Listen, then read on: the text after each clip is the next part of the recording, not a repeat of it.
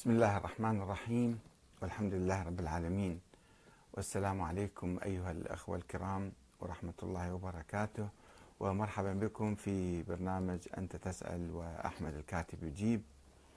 هناك سؤال من أحد الأخوة يقول: لماذا أنت وحدك من أدرك خطأ الأحاديث بعد ألف سنة؟ بالذات حول موضوع آه، الإمام المهدي. كيف تميز بين الأحاديث الصحيحة والخاطئة؟ ولماذا تعتمد على بعض الروايات التي تذكرها الكتب الشيعية عن الإمام العسكري وغيره ولماذا ترفض البعض الآخر؟ في الحقيقة هذا سؤال يعني تقريبا يكون منهجي شوية. آه، أما أن السؤال الأول لماذا أنا وحدي أدركت خطأ هذا هذه الأحاديث؟ فربما لا أدري لماذا في الحقيقة أنا بالصدفة يعني بحثت هذا الموضوع وتعمقت في هذا الموضوع قبل حوالي ثلاثين عاما واكتشفت يعني خطأ بعض الأحاديث عندما قمت بدراستها. ورأيت أن عامة العلماء في الحوزات لا يقتربون من دراسة هذه المواضيع ولا يبحثونها ولا يدرسونها. فلذلك لا يكتشفون خطأها لأنهم أساسا يعني عندهم مبادئ في علم الرجال مثلا أن هذا الراوي ضعيف هذا الراوي قوي هذا الراوي, الراوي ثقة ولكنهم لا يطبقون هذه هذا المنهج السندي على الروايات وعلى الأحاديث. ودائما هم في موضوع العقيدة وموضوع التاريخ عندهم هذه المسلمات. يقول لك بعد ليش نبحث فيها ندوخ نفسنا؟ هاي مسلمات صايرة يمشون عليها. يعني التقليد هو الغالب وما عندهم ما يشعرون بالحاجة إلى إعادة الاجتهاد. وأنا بالصدفة وقعت وأنا أيضا كنت نفس الشيء ما ما كنت أشك بهذا الموضوع فلا أجتهد فيه ولا أعيد النظر. وعندما يعني بحثت واجتهدت اكتشفت خطأ بعض الأحاديث. والحمد لله أنا الآن مو وحدي الآن كثير من علماء آه، قم والنجف ولبنان حتى آه، بدأوا أيضا يعني يعيدون النظر في هذه آه، الأحاديث وفعلا يقولون أحاديث غير صحيحة. البعض يقول ذلك علنا والبعض يقول ذلك سرا. وأتذكر عندما يعني في البداية عندما بحثت هذه الأحاديث ذهبت إلى عدد من العلماء والأساتذة والمراجع في قم وفي غير قم بعد ذلك وسألتهم هل أنتم بحثتم هذا الموضوع؟ قالوا لا لا لم نبحث هذا الموضوع. درستم؟ لم ندرس. طالعتم؟ قرأتم؟ البعض منهم قال نعم قرأنا ويمكن طالعنا بعض الكتب. فالموضوع كان مهمل وباعتبار اعتباره مسلم الناس ما كانوا ينظرون ويدققون في هاي الأحاديث. هذا اولا. بالنسبة لموضوع ثاني أنه آه، كيف آه، تميز بين الأحاديث الصحيحة والخاطئة. هناك منهج معروف في الحوزات وفي كل المعاهد وفي كل الجامعات ربما في العالم. هناك منهج السند. يدرسون آه، سند الروايات والأحاديث وهناك آه، بحث المتن. المتن يعني الموضوع. وهناك شيء آخر أنا أضيفه عليه. يمكن بعض الأحاديث سندا ومتنا الناس يقولون هذه أحاديث صحيحة أو متواترة أو كذا مجمع عليها. وما يناقشون في سندها. يقول لك الأحاديث المتواترة يعني اللي كل الناس ديروها بعد ما نبحث في سندها. مثلا حديث أجيب لكم مثل. آه إني تارك فيكم الثقلين كتاب الله وعترتي. وحديث آخر في إضافة أخرى أهل بيتي. هذا حديث يقولون السنة والشيعة مجمعين عليه وسنده صحيح. طبعا ما يبحثون السند في كل المراحل السند مو تبحث اليوم والبارحة وقبل 100 سنة و200 سنة. سند لازم تبحث إلى إلى رسول الله توصله تشوف هذا حديث فعلا صادر عن رسول الله أو حديث سياسي بعض الناس روجه في القرون اللاحقة. هذا اولا. فاذا بحث السند بحيادية وموضوعية ودقة. مو تقول هذا حديث متواتر؟ بعض الناس يقولون هكذا.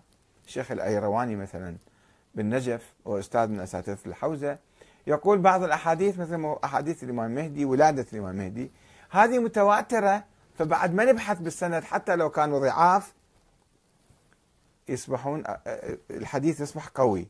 حتى لو الرواة ضعاف كذابين وضاعين مجهولين الحديث سلسلة مقطوعة مثلا سند مقطوع يقول لك لا خلاص الحين بعد ما نبحث بهالتفاصيل الحديث يصبح هذا صحيح. هذا اولا. هذا طبعا خطأ هذا لأنه يجب ان أنت من يقول لك هذا الحديث صار متواتر؟ كيف أصبح تواتر؟ ومتى أصبح متواتر؟ لازم في كل الدرجات. مو اليوم عندك مشهور تسميه متواتر هذا مو صحيح. فاذا لابد أن تبحث السند بدقة. ثم تبحث المتن شوف مضمونه ماذا؟ يتفق مع القرآن يتعارض مع القرآن في شيء جديد في شيء لا. البعض يقول نعم قد يكون الحديث مثلا آه، إني تارك فيكم الثقلين كتاب الله وعترتي. هذا ما يتعارض مع القرآن. طيب ناخذ الحديث اذا هذا. هذا في موضوع المتن أيضا يتم تجاوز الحديث والقبول به. هناك شيء آخر هو الامتحان التاريخي المصداقية الخارجية. يعني إذا اجى حديث قال لك أنه وأنهما لن يفترقا حتى يرد علي الحوض. طيب يفترقا بماذا؟ يفترق يفترقون العترة اولا ما هي؟ العترة يعني العشيرة. باللغة العربية العترة يعني العشيرة. طيب العشيرة ما تفترق مع القرآن؟ كل العشيرة ما تفترق.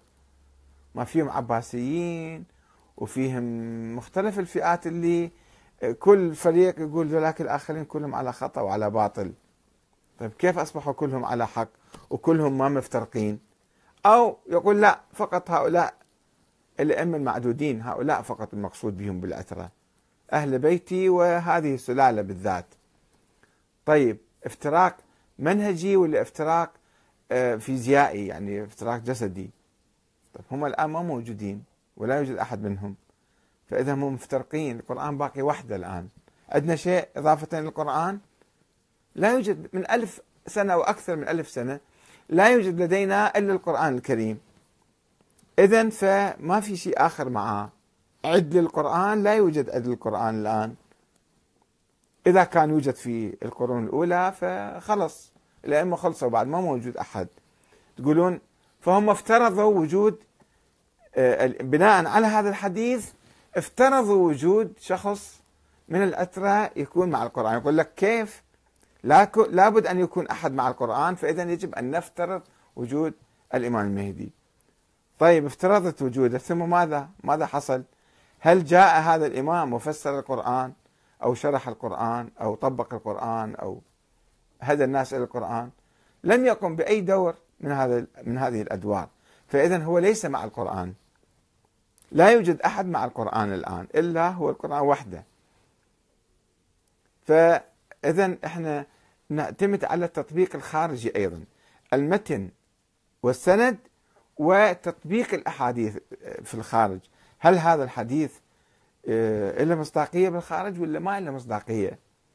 تاريخيا هل هو ثابت أو مو ثابت؟ فنعرف أن هذا الحديث في ضعف في افتعال وحديث مو صحيح. أو هذا المعنى اللي ماخذيه أنتم من عنده مو صحيح. فهذا الجواب الثاني. الجواب عن السؤال الثالث لماذا تعتمد على بعض الروايات التي تذكرها الكتب الشيعية عن الإمام العسكري وغيره؟ طبعا نشوف كتاريخ إذا أجمعوا كل مؤرخي الشيعة الإمامية الاثنى عشرية على أن الإمام الحسن العسكري توفي ولم ينص على ولد الله. وبالعكس قال أنا ما عندي ولد.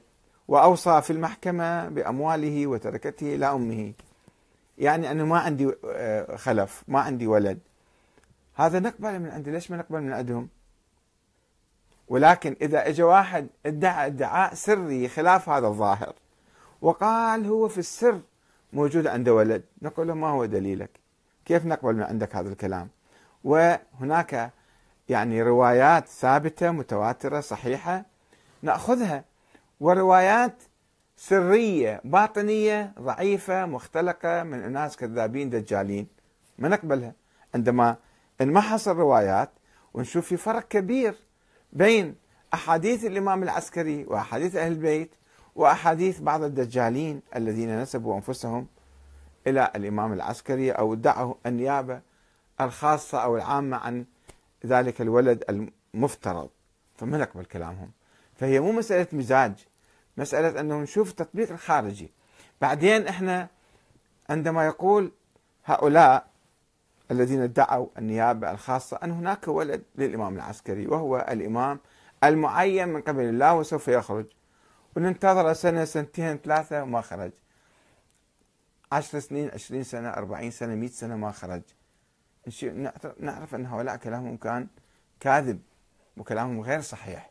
ألف سنة ننتظر ولم نرى ذلك الولد. فنعرف هذا كلام مو صحيح.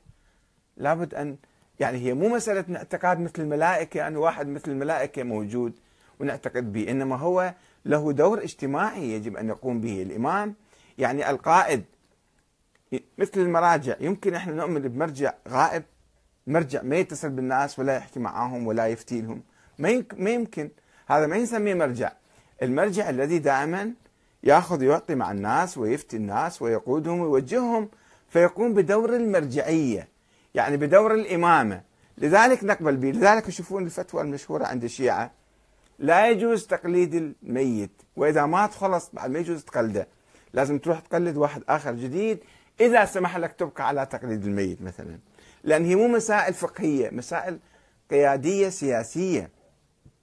هذا الدور القيادي السياسي الذي يقوم به المرجع اللي هو دور الإمام ما يمكن أن يكون واحد غائب أو واحد ميت يقوم بهذا الدور. فلذلك نحن نقول لا يجوز أن نقبل بوجود هكذا إمام غائب عن الحياة بصورة مطلقة.